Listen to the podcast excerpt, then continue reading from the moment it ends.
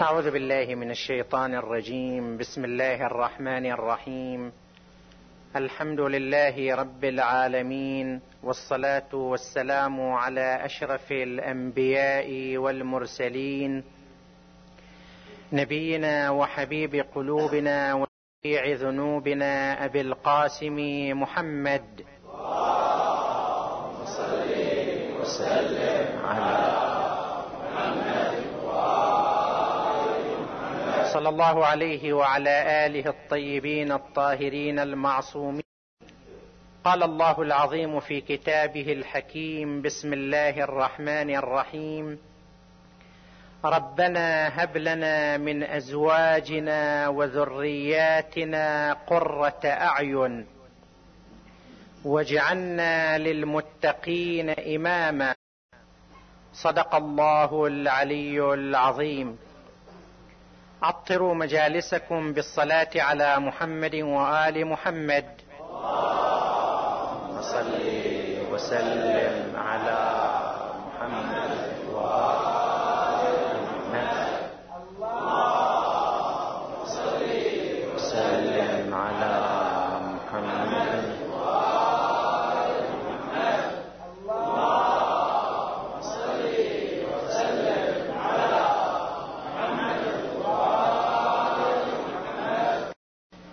حديثنا هذه الليلة بعون الله عن شيء من الحياة العائلية للإمام جعفر الصادق سلام الله عليه. الآية الكريمة دعاء على لسان نبي الله إبراهيم الخليل عليه السلام وعلى ألسنة المؤمنين الذين يدعون بهذا الدعاء. ربنا هب لنا من أزواجنا وذرياتنا قرة أعين. الإنسان المؤمن يدعو أن ينال قرة العين يعني السرور والرضا والسعادة والارتياح في حياته العائلية.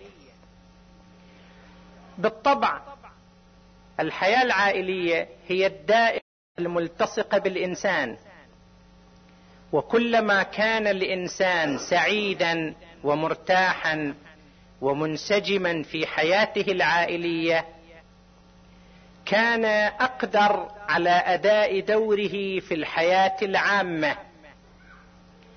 بينما إذا كانت الحياة العائلية الخاصة التي يعيشها الإنسان تشوبها الأكدار والمشاكل والأزمات هذه تؤثر على مجمل حياة الإنسان.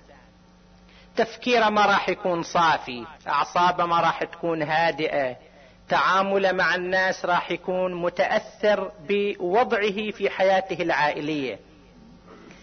وهذا شيء ملحوظ يعني تجد بعض الناس أنت تشوفه مرفز أو منزعج في تعامله. أنت ما تعرف السبب ما تشوف فيه مبرر ظاهري.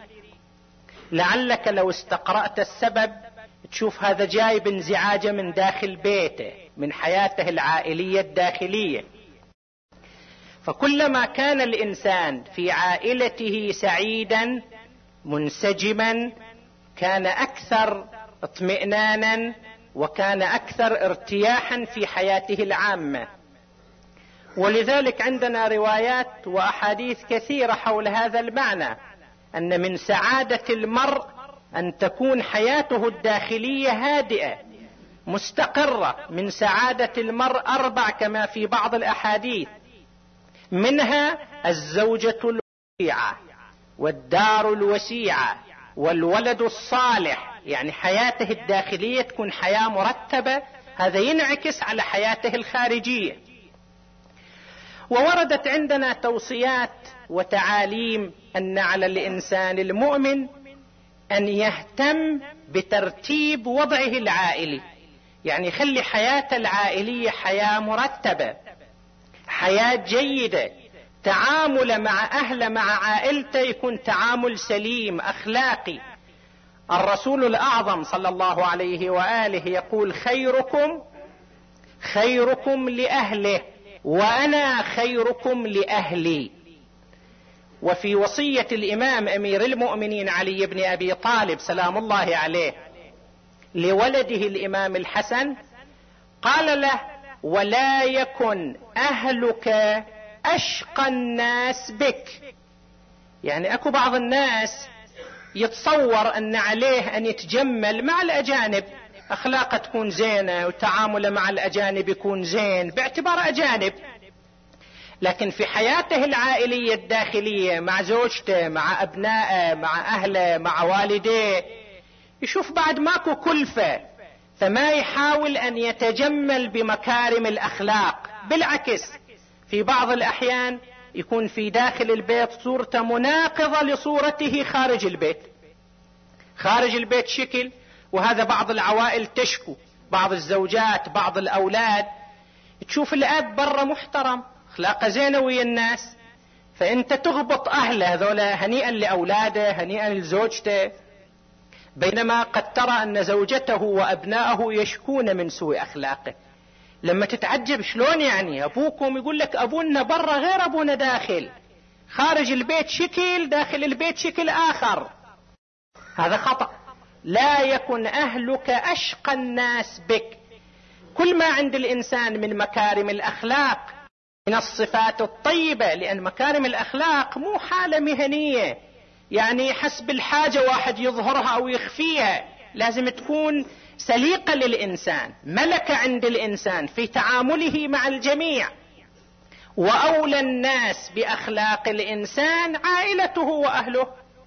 فلازم الإنسان يكون في داخل بيته في منتهى الأخلاق وفي منتهى الطيب.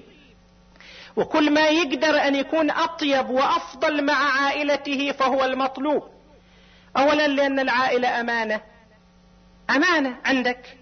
وأنت يجب عليك أن تحسن التعامل معهم انت مؤتمن عليهم. هذه الزوجة وديعة عندك أمانة عندك. الأولاد أمانة تحت إيدك. فأنت يجب أن تحسن التصرف في هذه الأمانة. وثانيا إذا أنت أخلاقك كانت جيدة وطيبة هذا يجعل جو البيت كله طيب. فأنت ترتاح والبقية أيضا يرتاحون. وثالثا يكون نموذج في التربية. ذولا أولادك راح يتخرجوا من عندك بكرة كل واحد يصير عنده زوجة يصير عنده عائلة. يصير هو رب عمل يستقل بنفسه. فأخلاق الأب راح تترك بصماتها على سلوك الابن. إذا شاف أبوه وأمه وتعاملهم في البيت كيف يكون هالحالة تنطبع في النفس. الكثير من الأولاد يصيروا ضحايا المشاكل العائلية. مساكين. يعني ينشأ ويشوف أبوه وأمه في حالة اختلاف في حالة تشاجر في حالة نزاع. الاب يحاول يستقطبهم إلى جانبه الأم تحاول تستقطبهم إلى جانبها. وفي بعض الأحيان الاثنين هم يهملوهم ويصيروا ضحية بسبب خلاف الاثنين ومشاكل الاثنين معا. فمن يتحمل هذه المسؤولية؟ لذلك وردت عندنا التعاليم الإسلامية تؤكد على ضرورة أن يكون الإنسان المؤمن في داخل بيته ومع عائلته طيب الأخلاق. خيركم خيركم لأهله. من هنا لازم إحنا نسلط الأضواء على حياة الإمام الصادق عليه السلام العائلية. شيء من حياته العائلية لأن التاريخ ما ينقل كل التفاصيل لكن ما يمكن أخذه من التاريخ في هذا المجال. المطلوب في الحياة العائلية حتى يكون الإنسان قرير عين شيئان أساسيان. الشيء الأول الانسجام والتوافق يعني ما في تشنج ما في توتر في العلاقة بين الزوج وزوجته بين الأب والأولاد هذا بالدرجة الرئيسية. والشيء الثاني الصلاح الإنسان المؤمن يرتاح ويكون سعيدا إذا رأى أن زوجته صالحة وأولاده صالحين. فإذا هالامران توفرا انسجام وارتياح متبادل وصلاح. بعد ما ما يطلب الإنسان شيء أكثر من هذا بعد. أن يحصل الإنسان هالحالة هذه أمنية كل إنسان عاقل كل إنسان مؤمن. الإمام الصادق سلام الله عليه كانت له عدة زوجات. التاريخ يذكر اسمين من زوجاته ويشير إلى أن له زوجات أخرى. الأولى التي يذكرها التاريخ هي فاطمة بنت الحسين ابن علي بن الحسين يعني بنت عمه تصير وبعض الروايات تقول لا بنت الحسين من أبناء الإمام الحسن بن علي. فاذا زوجته الأولى هي فاطمة بنت عمه والتاريخ ما يتحدث كثير عن هذه الزوجة. له منها بعض الأولاد لأن كل أولاد الإمام الصادق عشرة. سبعة من الذكور وثلاث من الإناث. فزوجته الأولى فاطمة. زوجته الثانية اسمها حميدة المصفات. حميدة المصفات وهي أم الإمام موسى الكاظم عليه السلام.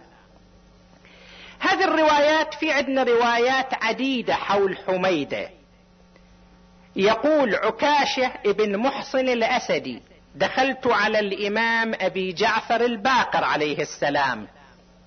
التفت إلي قال لي بعد أيام سيأتي نخاس من ناحية البربر وينزل في دار ميمون وعنده جارية هي لولدي هذا وأشار إلى الإمام الصادق عليه السلام.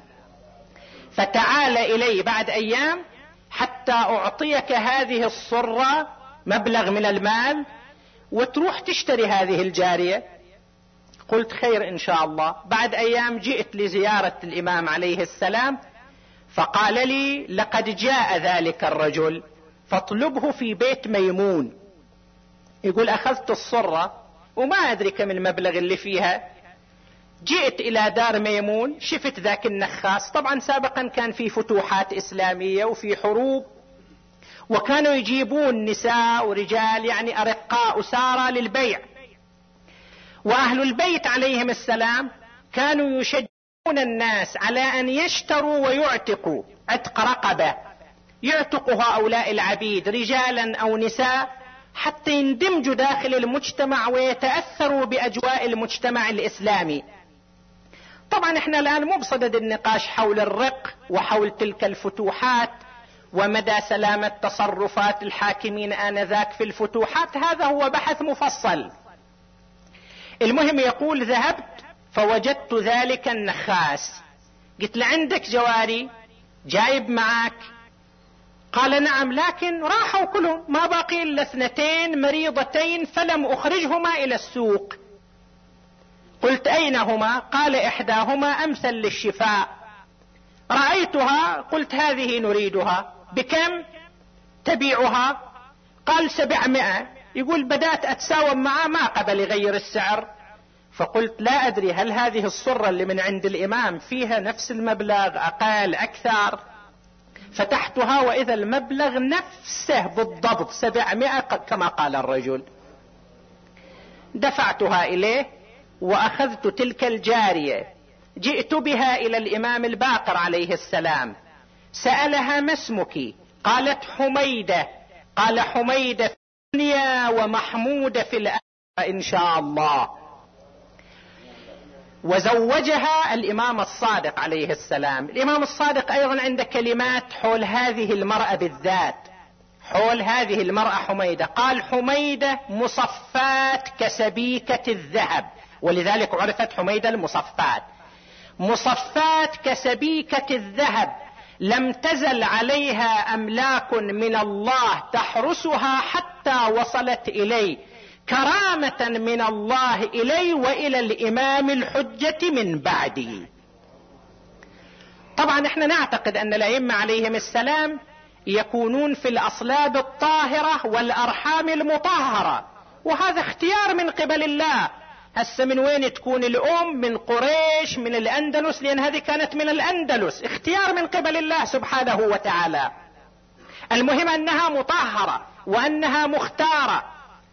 وتقول الروايات أنها كانت في طليعة نساء عصرها علما وورعا وتقوى وإيمانا. وقد عهد إليها الإمام الصادق أن تدرس النساء وتعلمهن الأحكام الدينية يعني كان بيتها مدرسة يقصدنه النساء ويدرسن الأحكام عندها. هاتان زوجتان الإمام عنده زوجات أخرى لكن التاريخ ما يذكر أسماء وإنما يقول وله زوجات أخرى أمهات أولاد شتى. هنا لا بأس نسلط الضوء على مسألة زوجات الأئمة والمعصومين بشكل عام. نشوف عدة ظواهر. واحدة من الظواهر قضية الإماء. أنه بعض الأئمة تزوجوا بإماء. يعني مو وحدة حرة عربية من نفس المجتمع وإنما اما يشتريها الإمام أو توهب للإمام فيتزوجها الإمام.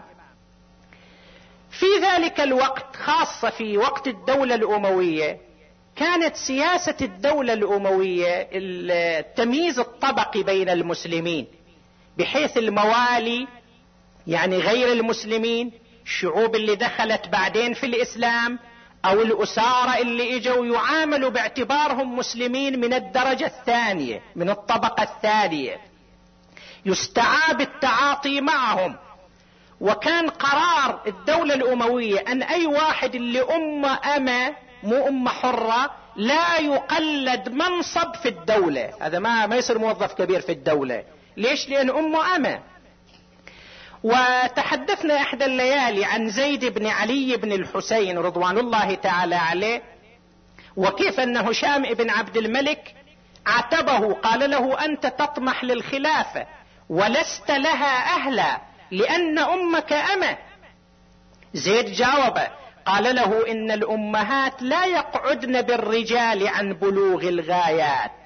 ولقد كانت أم إسماعيل اما ولكنه بعثه الله نبيا وصار أبا العرب وكان من ذريته أشرف الخلق محمد صلى الله عليه وآله.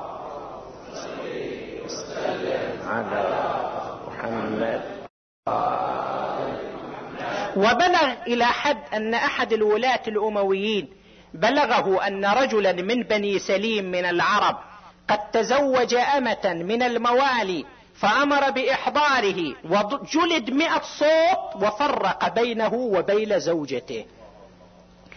كانوا يحاولوا ينشروا هالحالة من التمييز. أهل البيت عليهم السلام كانوا ينشروا مفاهيم الإسلام وقيم الإسلام وأن المسلمين لا فرق بينهم المسلم كفو المسلمة المؤمن كفو المؤمنة.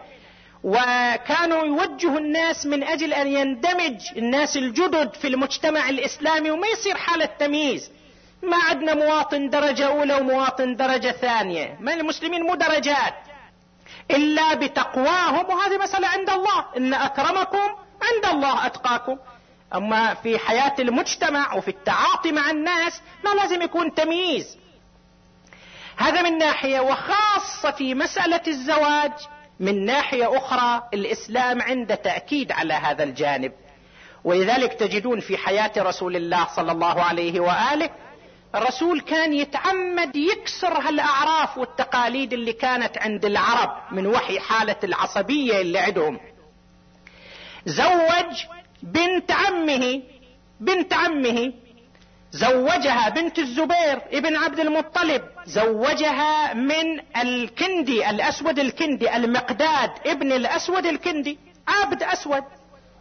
وأبوه مو أبو هذا الأسود الكندي وإنما تبناه فنسب إليه. زوجه من المقداد زوجها من المقداد. ليش؟ قال صلى الله عليه وآله إنما زوجت ابنة عمي بالمقداد ليت ليتضع النكاح بين المسلمين. ليتضع حتى لا يكون ذاك الشيء المعقد المبالغ فيه ليتضع النكاح بين المسلمين.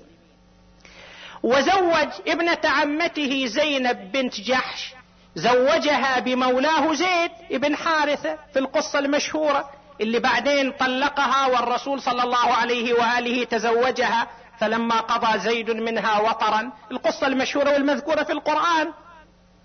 وزوج أيضا جويبر الدلفاء في القصة المشهورة. فالإسلام كان يريد هالأعراف وهالتقاليد وهالتمايز الطبقي بين الناس كان يريد إزالته أن ما يكون حاجز لاندماج الناس وتعاطيهم مع بعضهم البعض. المؤمن كفو المؤمنة المسلم كفو المسلمة. ولذلك الأئمة عليهم السلام ما كان عندهم مانع أن يتزوجوا من الاماء وإذا كانت أمة تقية مؤمنة صالحة طاهرة أحسن من ألف وحدة مثلا حرة أو عربية لكنها لا تعادلها في التقوى وفي الطهارة وفي الإخلاص والصدق. هذه ناحية. الناحية الثانية قضية تعدد الزوجات في حياة المعصومين عليهم أفضل الصلاة والسلام. وهذا موضوع طبعا حساس. خاصة عند النساء إذا أكو نساء يستمعوا المحاضرة والحديث هذا حساس عندهم الحديث. رسول الله صلى الله عليه وآله قبض عن تسع زوجات. أمير المؤمنين سلام الله عليه كانت له سبع زوجات غير أمهات الأولاد. طبعا في وقت واحد لا يجوز للإنسان طبعا الرسول حالة مميزة لكن ما عداه لا يصح جمع أكثر من أربع زوجات بالزواج الدائم. أما ملك يمين أو زواج منقطع هذا ما في إشكال. فالإمام علي كان عند كلا في حياته سبع زوجات من الحرائر إضافة إلى أمهات الأولاد. الإمام الحسن بن علي سلام الله عليه طبعا في هناك إشاعات وأقوال مدسوسة أن الإمام الحسن كان كثير الزواج كثير الطلاق وبعضهم قال الإمام الحسن كان عنده ثلاثمائة زوجة. طبعا هذه إشاعات هذه لا أساس لها من الصحة. المحقق الشيخ باقر القرشي حفظه الله في كتابه حياة الإمام الحسن تتبع مصادر التاريخ ووجد أن الإمام الحسن كانت عنده 13 زوجة. فالإمام الحسن 13 زوجة كانت عنده. الإمام الحسين عليه السلام في حياته خمس زوجات. الإمام زين العابدين عليه السلام كان إلى سبع زوجات. الإمام الباقر عليه السلام كان إلى أربع زوجات. طبعا أنا ما أريد أشجعكم على التعدد عرض تاريخي فقط. الإمام الصادق عليه السلام في حياته يذكر أنه أكثر من ثلاث زوجات كان عنده. مسألة تعدد الزوجات هذه حالة ترتبط بعدة أمور ومسائل. طبعا في أصل الدين وأصل الشرع في إباحة للتعدد. بعد مسألة شرعية يرضوا نسوان يزعلوا في إباحة. الشرع أباح. فانكحوا ما طاب لكم من النساء مثنى وثلاثة ورباعة بس طبعا مع شروطها. لازم مع العدالة. وإن خفتم ألا تعدلوا فواحدة. يعني لازم تكون عادل. إذا الإنسان ما يضمن من نفس العدالة بين زوجاته ما يصح له ياخذ أكثر من وحده. طبعا في إشكال طرح على الإمام الصادق عليه السلام أنه كيف الآية الكريمة تشترط العدالة؟ فإن خفتم أن لا تعدلوا فواحدة. في آية أخرى الله تعالى يقول ولن تعدلوا بين النساء ولو حرصتم. لن ما يمكن العدل. فكيف العدل مطلوب والعدل غير ممكن؟ الإمام عليه السلام وضح المسألة أن العدالة المطلوبة هي العدالة في النفقة والتعامل الخارجي والعدالة غير الممكنة هي في المحبة. المحبة شأن قلبي. ما يقدر الله يقول لك تحب هذه بنفس المقدار اللي تحب هذه. هذه قضية قلبية. المعتقدات والعواطف القلبية هذه ما يمكن السيطرة عليها بالتالي لها عواملها الطبيعية. ولن تعدلوا بين النساء يعني في المحبة وفي الميل القلبي والعدالة المطلوبة هي في التعامل وفي النفقة وفي الأمور الظاهرية. إذا ففي أصل الشرع هناك تعدد بين الزوجات. ومع هالشروط ومعها الضوابط التي يضعها الإسلام وأعراف المجتمعات تختلف من مجتمع إلى آخر. في تلك المجتمعات كان التعدد ظاهرة طبيعية. وكان كل رجل عنده أكثر من زوجة. غالبا كانت حالة التعدد هي الأصل في حياة الناس غالبا. هسه إذا تطورت الحياة وتغيرت الأمور وصارت ظروف الإنسان ما تسمح لأن تتعدد زوجاته تغير ظروف الحياة هذا بحث آخر. هذا راجع إلى طبيعة حياة الإنسان وظروف الإنسان. لكن هناك موضوع ينبغي الحديث حوله. وهو تعامل المتدينين مع مسألة الزواج والمسألة الجنسية. فيه توجه في العالم وخاصة في الغرب للحالة الإباحية إباحة قضايا الجنس بحيث الإنسان حر ماكو حدود. أي شيء خليه يتصرف ماكو حدود ولا ضوابط.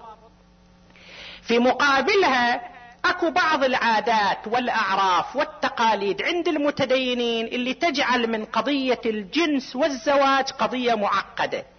لا الإباحية صحيحة ولا التعقيد اللي موجود في مجتمعات المتدينين صحيح. هذا ليس صحيحا. هل حالة من التعقيد في قضايا الزواج والتعامل مع المسألة الجنسية باعتبارها مسألة مخجلة لا تتحدث حولها لا تتكلم حولها لا لا تناقشها لا تعالجها. هذا خطأ. ليش؟ لأنها مسألة واقعية. قضية موجودة في حياة البشر. إذا ما وضع لها طريق صحيح للمعالجة ما تنتهي. يسلك الناس الطريق غير الصحيح. ولذلك تشوف بعض المجتمعات بعض المتدينين اللي قضية الجنس والزواج عندهم عقدة ومحاطة بهالة من العيب وحياء وخجل. هذه هي في الحالة الظاهرية لهم. بس وراء الستار في بعض الأحيان تشوف ما في التزام. تشوفه في البلد في مجتمع اللي يعرفه تشوفه لا ملتزم. إذا سافر راح مكان ثاني يأخذ حريته الله يستر شو يسوي؟ شو يكون وضعه؟ أو أفكاره وميوله النفسية الداخلية شيء آخر بحث آخر. الله سبحانه وتعالى أنزل دين واقعي للناس. مو دين مثالي ما يأخذ وضع الناس وحاجات الناس بعين الاعتبار. لذلك ينبغي أن تناقش وتعالج المسألة الجنسية ضمن تعاليم الإسلام وتشريعات الإسلام. ما فيها عيب أن واحد يناقشها؟ ما فيها عيب أن واحد يطرحها؟ حينما تسد المنافذ السليمة على الناس بس واحدة تتزوج الأعراف الاجتماعية ما تسمح لك أكثر من واحدة أو الظروف قد ما تسمح لك. الزواج المؤقت هم ما في مجال إله. والإنسان بشر عنده غرائز عنده شهوات شو يسوي؟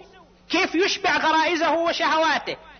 فبعض الأحيان يلجأ الإنسان إلى طريق الحرام والعياذ بالله. ولذلك الحديث المروي عن أمير المؤمنين علي بن أبي طالب عليه السلام لولا تحريم المتعة ما زنى إلا شقي.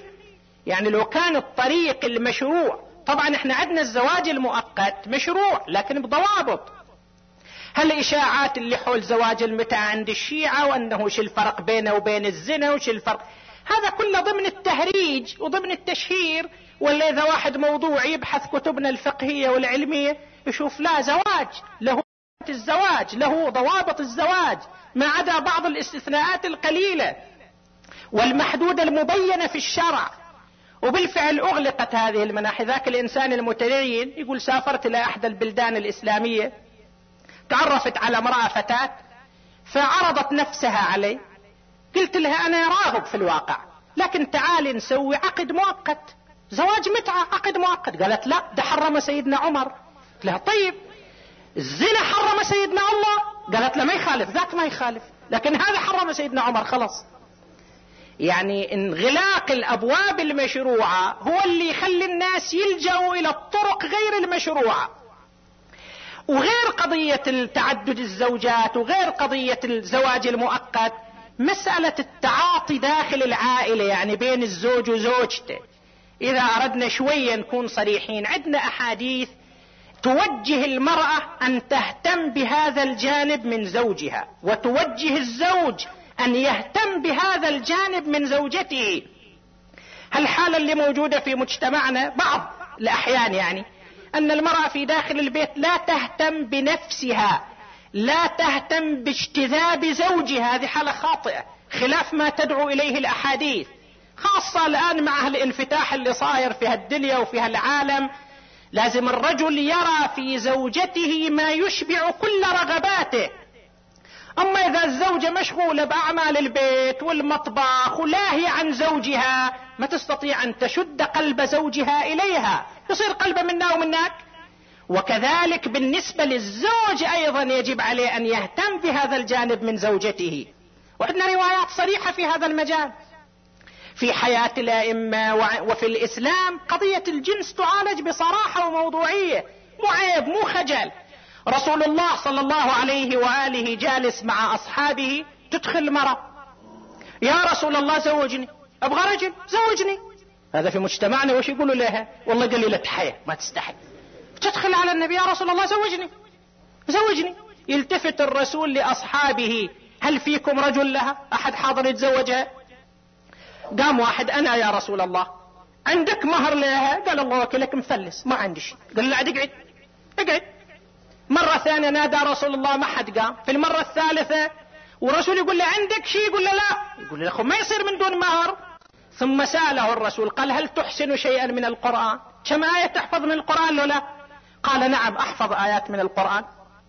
قال أزوجك إياها على أن تعلمها ما تحفظ من القرآن الكريم. هذا مهرها.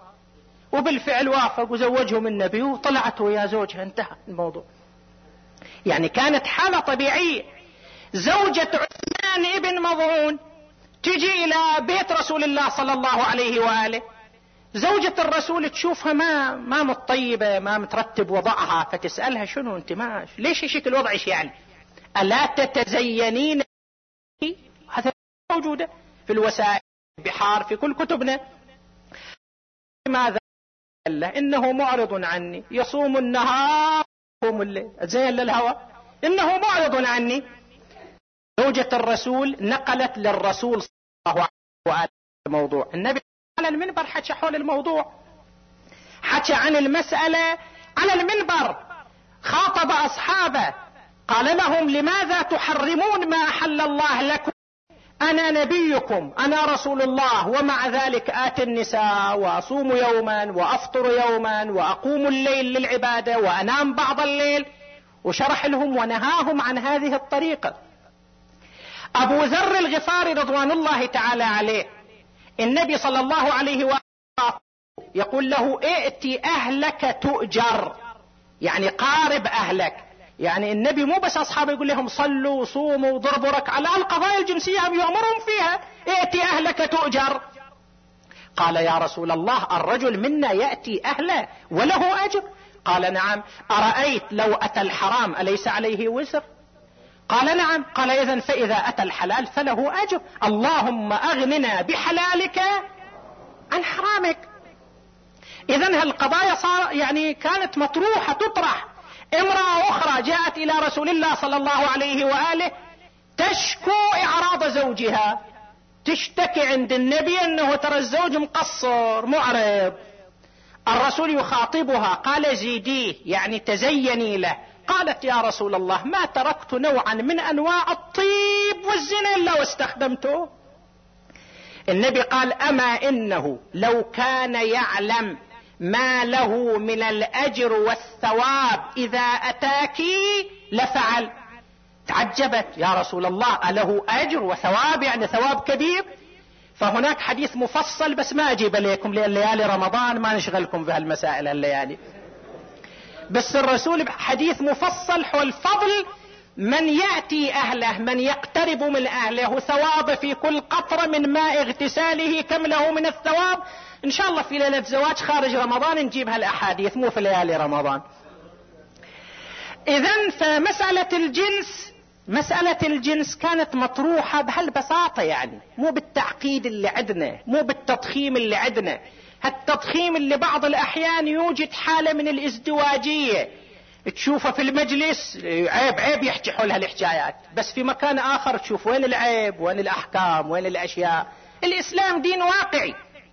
لازم الأمور تعالج بواقعية وضمن الحدود الشرعية المطروحة. فالأئمة عليهم السلام. كانت حياتهم في هذا الجانب تبين هذا الجانب من الإسلام تبين هذه التعاليم من الإسلام. أن مسألة الجنس والزواج مسألة عادية والأئمة والأنبياء بشر مثلهم مثل سائر الناس. قل إنما أنا بشر مثلكم في هالقضايا العادية شأنهم شأن سائر الناس. لكنهم أكثر التزاما بل هم قمة الالتزام في التعاليم وفي الضوابط وفي الأخلاق التي أمر بها الإسلام. طيب ما نطول الكلام حول الزواج وإن كان هو الحديث المفضل للنفوس لكن ننتقل إلى أبناء الإمام الصادق عليه السلام. الإمام الصادق عنده عشرة أبناء كما قلنا سبعة ذكور وثلاث إناث. من البارزين من أبنائه الأول منهم إسماعيل ابن الإمام جعفر الصادق. هذا أكبر أولاد الإمام الصادق إسماعيل. وكان محبوبا عند أبيه. كان على درجة عالية من الفهم والعلم والأخلاق والطيب ولذلك كان الإمام الصادق يحبه حبا شديدا وكانوا الشيعة أيضا يحبونه ويحترمونه. حتى ظن كثير من الشيعة أنه سيكون هو الإمام بعد أبيه الإمام الصادق عليه السلام. لكن الله تعالى شاء أن يقبض روحه في حياة أبيه لأن الإمامة كانت مقررة بعد. الامامه مو على السن مو الإبن الأكبر هو اللي يكون الإمام. مقررة من قبل الله سبحانه وتعالى. فتوفي إسماعيل في حياة أبيه الصادق. آه، الروايات تقول توفي سنة 133 هجرية. يعني ذاك الوقت كان عمر الإمام موسى الكاظم خمس سنوات حينما توفي أخوه إسماعيل. الرواية تقول لما كان مريض قبيل وفاته الإمام الصادق كان مغموما مهموما لمرض ولده لأن شاف مرض شديد. فبعد أن توفي ولده سكن غمه وحزنه.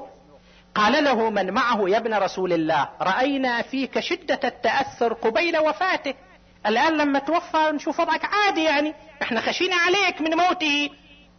قال إنا أهل بيت نتأثر ونتألم وفي بعض الروايات نجزع قبل أن تحل بنا المصيبة فإذا حلت سلمنا الأمر لله.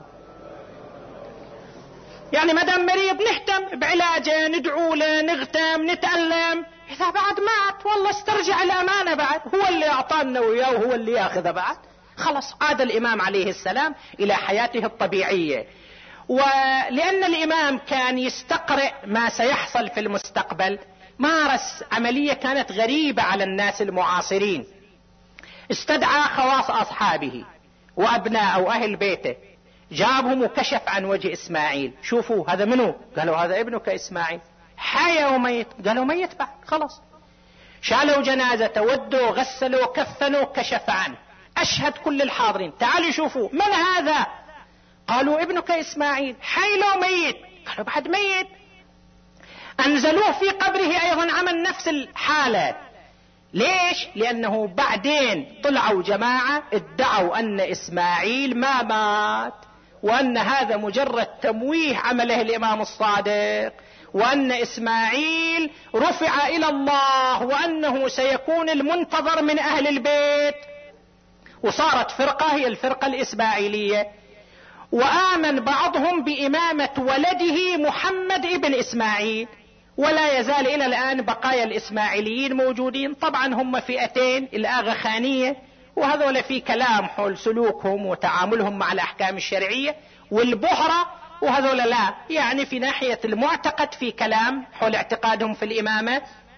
لكن من حيث السلوك والالتزام بالأحكام الشرعية لا. الأغلب حياتهم حياة ملتزمة.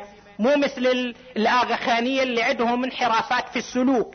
ومنهم من البهرة الإسماعيليين الحكام الفاطميون اللي كانوا في مصر واللي استمر حكمهم أكثر من 270 سنة حوالي 270 سنة استمر الحكم الفاطمي. وهم الذين أشادوا الجامع الأزهر في مصر ويعتبر حكمهم صفحة رائعة من صفحات الحضارة الإسلامية في التاريخ. إذا هذا الولد الأول إسماعيل ابن الإمام الصادق. الولد الثاني عبد الله. وبه كان الإمام يكنى أبو عبد الله جعفر الصادق. عبد الله أفطح. أفطح في اللغة إما لأنه كان عريض الرأس أو عريض الرجلين والقدمين ولذلك كان يسمى عبد الله الأفطح. هذا في حياة أبيه كان مخالفا لأبيه. كان يميل إلى المرجئة ويأخذ آراء الحشوية. وهذا دليل على أنه الإنسان يبذل جهد في تربية أبنائه لكن بعد مو بيده. قد أولاده يكونوا صالحين وقد آه، ما يتوفق في هذا الأمر. بعد يصير خارج إرادته خارج إرادته. شو يسوي؟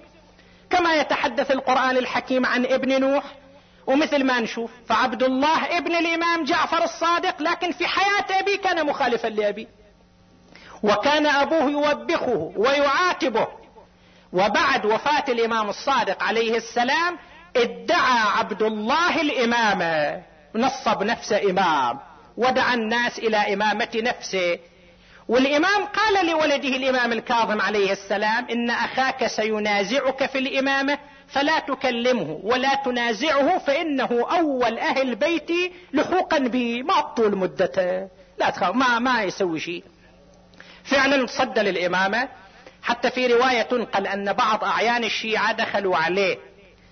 وفيهم هشام ابن سالم ومؤمن الطاق.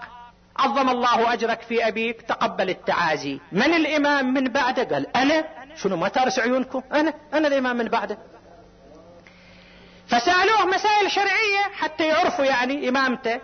سألوه في كم تجب الزكاة؟ فقال في كل مائتين في الفضة خمسة دراهم في كل مائتين خمسة. وهذا معروف. والنصاب الأول في الزكاة في الفضة مائتين. قبل المائتين ماكو شيء. قالوا له طيب إذا مئة شلون؟ قال بعد ما يبغى لها حساب. إذا المئتين خمسة دراهم المئة درهمين ونص. في يوم سما عرف الرجال طب الفارغ يعني حتى المسألة البسيطة ما يعرفها من الدين. هشام يقول خرجت وأنا متحير متأذي شلون؟ من الإمام بعد الإمام الصادق؟ وين نروح أحلى؟ إلى الزيدية إلى المرجئة إلى القدرية إلى الحشو. وأنا أحدث نفسي. يقول وإذا بشخص يقول أنا مرسل إليك تعال معي. جابني حتى أوصلني إلى دار الإمام أبي الحسن موسى الكاظم. دخلت عليه وإذا بالإمام يجيبني عما في نفسي إلي إلي. لا إلى المعتزلة ولا إلى البرجئة ولا إلى القدرية إلي إلي فأنا حجة الله عليه. وتبين له من الدلائل والبراهين إمامة الإمام موسى الكاظم عليه السلام. هذا عبد الله الأفطح بالفعل ما طولها يعني. بعد سبعين يوم من وفاة الإمام الصادق ماتوا أيضا. ويروى عن الإمام فيه حديث في حياته عبد الله يريد أن لا يعبد الله. لانحرافه. هذا الولد الثاني عبد الله الأفطح. الولد الثالث إسحاق. إسحاق ينقل عنه أنه كان فاضل فقيه زاهد عابد وما تطول الروايات بأكثر من ذكر صفاته. الولد الرابع محمد ابن الإمام جعفر الصادق. محمد هذا أيضا كان عابد زاهد فقيه وكان أيضا سخي معروف بالسخاء والكرم. تقول زوجته ما خرج يوم ببدلة جديدة وعاد بها إلى منزله. يشوف فقير يعطيها وياه. وكان يذبح في كل يوم كبشا لضيوفه. وكان يصوم يوما ويفطر آخر. وصفات صفات جليلة ونبيلة. وفي سنة 199 هجرية أعلن ثورة على الحكومة العباسية في عهد المأمون العباسي. ثار في مكة وبويع باعتباره أمير المؤمنين. لكن المأمون بعث فرقة من الجيش بقيادة عيسى الجلودي وصارت معركة وانهزم فيها لكن ما قتل وإنما حمل إلى المأمون. المأمون أكرمه وأدناه ووصله وبقي عند المأمون إلى أن مات ودفن هناك. بعد ومن البارزين من أولاد الإمام الصادق علي بن جعفر. هذا رجل عظيم جدا علي بن جعفر الصادق. في علمه في زهده في عبادته في تواضعه في خضوعه للحق. هذا أدرك الإمام محمد الجواد عليه السلام. هو ابن الإمام الصادق. خضع لإمامة أخيه الإمام موسى الكاظم. وخضع لإمامة ابن أخيه الإمام علي بن موسى الرضا. وخضع لإمامة ابن ابن أخيه الإمام محمد الجواد. وطبعا الإمام الجواد كان صغير في السن. كان صغيرا في السن. تقول الروايات إذا دخل الإمام الجواد المسجد أو المجلس يقوم عمه علي بن جعفر على كبر سنه وشيبته ويأتي إليه ويقبل يديه. ويجلسه لا يجلس حتى يجلس الإمام الجواد. فإذا قام الإمام الجواد قدم إليه نعليه هو اللي يقدم الحذاء له جماعة عاتبوه انت عمة انت أكبر منا سنا إنه لا ينقص من قدرك أن تفعل هذا الشيء بهذا الغلام. وإذا به يخاطب من خاطبه قال إنك شيطان تريد أن تغويني. ماذا أصنع إذا لم ير الله هذه الشيبه ورفع لحيته إلى السماء؟ أهلا لهذا ورأى هذا الغلام أهلا للإمامة. أنا مؤهل لهالمقام هذا المقام تعيين من قبل الله. والله عين هذا. فأنا أخضع له باعتباره يمثل الحق. شوف الروحية شوف النفسية الكبيرة. طبعا أما الإمام الذي استمرت فيه الإمامة من بعد الإمام الصادق هو الإمام موسى بن جعفر الكاظم سلام الله عليه. هذا بالنسبة لأولاد الإمام.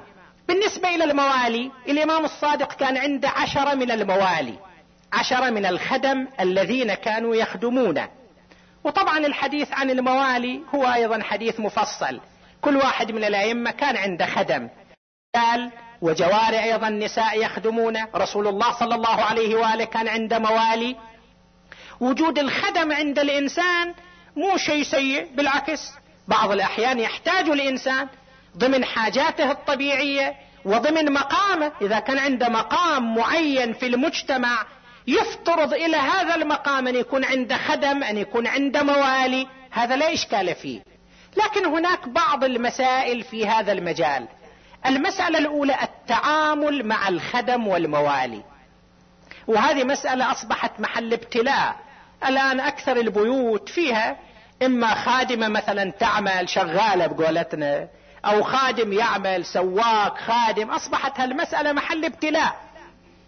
الأئمة عليهم السلام كانوا يشترون الموالي عبيد أرقاء يشتروهم يخدموهم لفترة ثم يعتقونهم في سبيل الله. لكن كانوا يتأثرون بحياتهم في بيوت أهل البيت عليهم السلام. إيه هنا محل الشاهد. كيف تتعامل مع هذا المولى مع هذا العبد مع هذا الخادم؟ في الحديث عن رسول الله صلى الله عليه وآله يقول إخوانكم خولكم جعلهم الله تحت أيديكم.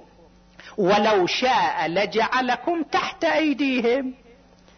يعني شاءت حكمة الله تعالى أن تصير الثروة عندكم وإجوا ناس من مختلف الأماكن يخدموكم. لو المسألة صارت بالعكس كان أنتم يودوكم خدم في تلك البلدان ولا لا؟ جعلهم الله تحت أيديكم. ولو شاء لجعلكم تحت أيديهم. ويبدو في سالف الزمن قبل ما يصير النفط والبترول في بلدنا والحياة كان في ناس من بلدنا يروحوا يشتغلوا في مختلف البلدان ولا لا؟ كانوا يروحوا يشتغلوا هنا وهناك يعملون ويخدمون كل واحد ضمن وضعه وضمن موقعيته ومستواه. اذا الإنسان إذا صار في موقعية اللي عنده خدم شغالة شغال عليه أن يلتزم بمكارم الأخلاق في التعامل معهم. بعض الناس يتعاملوا مع الخادم أو الخادمة وكأنها آلة وكأنها جماد ما يراعوا عواطفها البشرية ما يراعوا قدرتها ما يراعوا طاقتها وجهدها. يحملونها فوق ما تستطيع يتعاملون معها تعامل سيء فظ غليظ. هذا في مسؤولية شرعية مو شغال أنت تعطيها معاش وانتهى الموضوع. يوم القيامة الله راح يحاسبك عن تعاملك خاصة ما دامت هي ضعيفة أمامك ما دام هذا ضعيف أمامك. يوم القيامة الله يحاسبك عن تعاملك الدين المعاملة. الإمام الصادق عليه السلام يقول كان أبي إذا كلف مواليه بشيء فرأى عدم قدرتهم عليه اشترك معهم في أدائه. هو يشاركهم. تعامل أهل البيت كان تعامل أخلاقي مع الموالي. الإمام الصادق كان عنده خادم مولى بعثه في حاجة له فأبطأ فذهب الإمام في طلبه فوجده نائما تحت ظل شجرة فلم ينغص عليه نومه وإنما وقف يروح عليه أو يظلل عليه. يوم أفاق من النوم قال له يا غلام ألم نتفق معك؟ أن يكون الليل لك والنهار لنا. في الليل نام شبعنه النهار عندنا شغل. ما الذي حملك على ما صنعت قال يا ابن رسول الله أمنت عقوبتك. قال الحمد لله الذي جعل موالي يأمنون عقوبتي. اللهم فآمني عقوبتك. فالائمه عليهم السلام كانوا يتعاملون بالأخلاق الفاضلة. الإمام الرضا سلام الله عليه كان كما في بعض الروايات إذا وضعت المائدة يطلب الخدم والموالي أن يجلسوا معه على مائدته فعوتب على ذلك فقال الرب واحد والأب واحد والأم واحدة وإن أكرمكم عند الله أتقاكم. ووضع لهم قاعدة قال إذا ناديت أحدكم وكنتم على طعام فلا تجيبوني حتى تقضوا وطركم من الطعام. لا تقوموا إذا أنتم على مائدة. تقول الرواية فربما وقف الإمام على رؤوسنا يدعونا فنكون منشغلين بالطعام فيقول مكانكم لا تقوم أول خلصوا أكلكم وبعدين قوموا. اذا هكذا كان أهل البيت يتعاملون مع الموالي والخدم بالأخلاق الطيبة. إنسان قدامك مو مسألة موظف تعطيه معاش وأنت مسؤول أمام الله سبحانه وتعالى عن تعاملك معه. وفي بعض الأحيان المسألة مو مسألة رب البيت. تعال شوف الأولاد شلون يتعاملوا معها الخادم أو الخادمة. البنات الأطفال الكذا. يعني يحتاج أن نراعي هذه الأمور. لأن هذه النعم من قبل الله علينا. إذا ما شكرناها تزول عنا هذه النعم. فلازم نراعي نعم الله سبحانه وتعالى. هذا جانب. الجانب الثاني مراعاة الأحكام الشرعية. هذه الشغالة اللي عندك في البيت امرأة أجنبية. فمسألة الستر ومسألة الحجاب والمسائل الشرعية أيضا لازم تراعى. مو باعتبارها خدامة خلاص بعد. ماكو قانون ماكو نظام. لا. الأحكام الشرعية لازم تراعى هذا الجانب. والمسألة الثالثة في هذا الإطار إفادتهم هدايتهم توجيههم. هذا الخادم هذا العامل هالشغالة هالشغال يمكن معرفته الدينية ناقصة يمكن ما عنده وعي ما عنده ثقافة ما عندهم تدين بالمستوى المطلوب. يحاول الواحد أن يربيهم على أساس الدين. طبعا بالنسبة إلى الكافر في مسألة في إشكال بالنسبة إلى الطهارة والنجاسة. أهل الكتاب إذا كان كتابي يهودي أو نصراني عندنا بعض الفقهاء يرون طهارة أهل الكتاب. لكن غير أهل الكتاب إذا كانوا يمسوا أشياء برطوبة فهذا لازم يراعي الواحد أيضا أحكام الطهارة والنجاسة. كلامنا حول التأثير عليهم. بعض الناس يشوف يعني هو عنده فهم عنده وعي في الدين بس يشوف يعني ما يسوى خادم أو شغال أو شغال يقعد يشرح له مسألة دينية. شنو الهداية بالوجوه؟ لن يهدي الله بك رجلا واحد. يمكن هذا لما تهديه أو هذه الخادمة لما تهديها يكون لك ثواب كبير في هدايتها. فلازم لما الخدامة أو الخادم يجي إلى المنزل وإنت إنسان متدين لازم خلال بقاء عندك في البيت يتأثر بتدينك يتأثر بوعيك يتأثر بثقافتك. وهكذا كان الخدم عند أهل البيت عليهم السلام. كانوا يتأثرون بأخلاق أهل البيت. الإمام الصادق خدمه ومواليه كانوا هداة للناس مثل المعلى بن خنيس. مثل معتب واللي الروايات تقول هو من خير موالي الإمام الصادق. مثل سالمة جارية لكن كانت فقيهة محدثة استفادت من وجودها في بيت الإمام الصادق عليه السلام. مثل مصادف هذا في رواية جميلة حول مصادف وإن كان تأخرنا شوية في الوقت الليلة. مصادف كان مولى عند الإمام الصادق. بعثه الإمام في تجارة إلى مصر أعطاه بضاعة قيمتها ألف دينار قال له تعلم أن عيالي قد كثرت. روح مصر بهالبضاعة بيعها يعني الإمام ما كان عنده مانع يمارس عمل تجاري. كانوا يزرعوا ويمارسوا عمل تجاري. لأن ما كانت حياتهم اي شكل. مو مثل الصورة اللي إحنا نرسمها في أذهاننا. للإمام أو للعالم أو لرجل الدين. كاف عاف في برج عاجلة. كانوا يمارسوا حياتهم بشكل طبيعي مثل سائر الناس.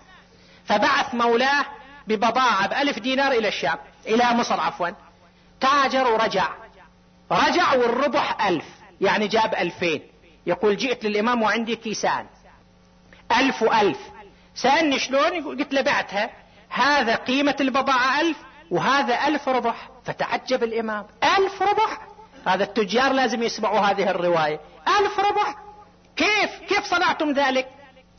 قال لما وصلنا إلى مصر رأينا أن هذه البضاعة ما موجودة نافذة في الأسواق. وهي مما يحتاج إليه الناس. فحلفنا ألا نبيع إلا ربح الدينار بدينار. والناس محتاجين إلى هالبضاعة. اشتروها من عندنا فغضب الإمام. قال أما أنا فلا آخذ هذا الربح. آخذ بس رأس مالي. الربح اللي جاي بهالطريقة أنا ما آخذه. ورفض الإمام أن يأخذ ذلك الربح. طبعا مو القضية مو كحكم شرعي كتعليم أخلاقي. كتعليم أخلاقي أن الإنسان ما يستغل حاجة الناس ويربح زايد عن اللازم. طبعا في كتاب التجارة عندنا في كتب الأحاديث روايات كثيرة حول آداب التجارة وحول أن الإنسان بالمقدار الممكن يتساهل ويا الناس في البيع ويكتفي بأدنى الربح خاصة على أيام أيام عيد والناس أكثرهم في الأسواق. مثل هالأبحاث والأحاديث قد تفيد الناس بس مع الأسف ما في مجال إلها. إذا تلامذة الإمام موالي الإمام عليه السلام كانوا يتربون بأخلاق الإمام وأخلاق أهل البيت. وكم عندنا في التاريخ شخصيات لامعة شخصيات لامعة إلها أثرها هم من الموالي تعلمون وتعرفون كلكم سمعتم عن اسم قنبر مولى علي بن أبي طالب. هذا مولى عبد لكن اسم لامع. اسم منير مضيء في تاريخ الإسلام لزهده لورعه لتقواه لالتزامه وتمسكه. جابه الحجاج قال له يا قنبر أنت مولى من؟ ما قال لي أنا مولى علي بن أبي طالب. خطب خطبة يعني كلمات طويلة. أنا مولى أمير المؤمنين وإمام المتقين وسيد الموحدين ومن هاجر الهجرتين وضرب بالسيفين وطول في مدح أمير المؤمنين علي بن أبي طالب. ويدري هذا يغيظ الحجاج يغضب الحجاج يغضب الحجاج. قال إنما جئت بك لأدعوك إلى البراءة من دين أبي تراب. تتبرى منه. قال فدلني على دين أفضل منه. عندك دين أفضل من دين علي؟ حتى تدلني عليه؟ بعد ما صار حوار الحجاج يسأل قنبار على أي طريقة تريد أن أقتلك؟ قال سل نفسك أنت. قال كيف أسأل نفسي؟ قال إنك لا تقتلني قتله إلا وقتلتك مثلها يوم القيامة. وتختار اللي تريد. طبعا غضب الحجاج وأمر بقتله كسائر المؤمنين الذين كان الحجاج يأمر بقتلهم لتمسكهم بولاية أمير المؤمنين علي بن أبي طالب عليه السلام. هذا من الموالي بعد من موالي أهل البيت ذاك الرجل الكبير في السن. يقول لأنت إنما تبعتنا طلبا للعافية. أما الآن ونحن في شدة فأنت في إذن مني. روح. بكى. قبل قدمي الحسين سيدي أنا في الراحة ألحس قصاعكم. وفي الشدة أتخلى عنكم. يا ابن رسول الله إن لوني لأسود وإن حسبي للئيم وإن ريحي لنتن فتنفس علي بالشهادة. حتى يبيض وجهي ويطيب ريحي ويشرف حسبي وصار يتوسل بالحسين اسمح لي بالشهادة. تعرفوه جون مولى أبي ذر الغفاري. وكان كبيرا في السن وصار يتوسل بالحسين يا أبا عبد الله اسمح لي أن أكون شهيد بين يديك. وبالفعل أذن له الإمام الحسين خرج إلى البعض قاتل الأعداء قتالا شديدا حتى وقع صريعا على الأرض فأقبل الحسين إليه ودعا له ذلك الدعاء اللهم بيض وجهه وطيب ريحه كان كل مر عليه يشم منه تلك الرائحة الطيبة بدعاء أبي عبد الله الحسين.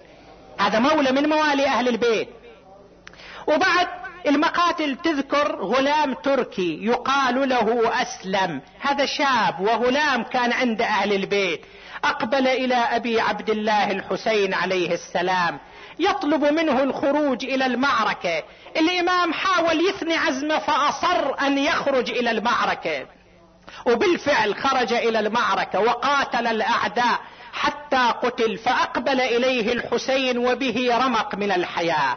وسوى الحسين شغلة مع هذا العبد ما سواها إلا مع ولده علي الأكبر. سوى تمدد إلى جانبه ووضع خده على خده. رؤي ذلك العبد وقد فتح عينه وهو يتبسم وبه رمق من الحياة وهو يقول من مثلي وقد وضع ابن رسول الله خده على خدي. هذول تلامذة أهل البيت. وهكذا صار الحسين يقدم القرابين في ذلك اليوم حتى لم يبق معه أحد من أصحابه وأهل بيته. انجلت الغبرة وإذا بالحسين يتكئ على قائم سيفه مناديا اما من معين يعيننا. اما من ناصر ينصرنا. اما من ذاب يذب عنا. تقول إحدى الروايات.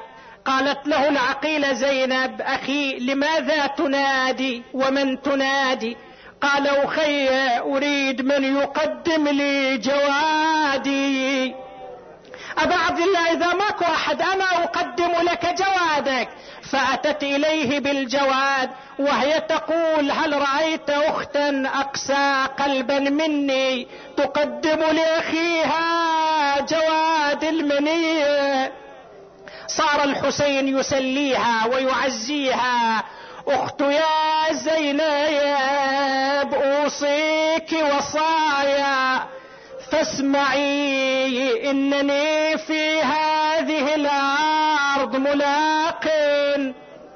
مصرعي فاصبري فالصابر من خيم كرام المترعي كل حي سينحيه عن الأحياء حين في جميل الخطب يا أخت اصبري الصبر الجميل إن خير الصابر ما كان على الرزء الجليل واترك اللطم على الخد وإبداء العويل ثم لا أكره سقي العين ورد الوجنتين. واجمعي شمل اليتامى بعد فقدي وانظمي أشبعي من جاع منهم ثم أروي من ظمي. واعلمي أني في حفظهم طل دمي. ليتني بينهم كالأنف بين الحاجبين. اويلي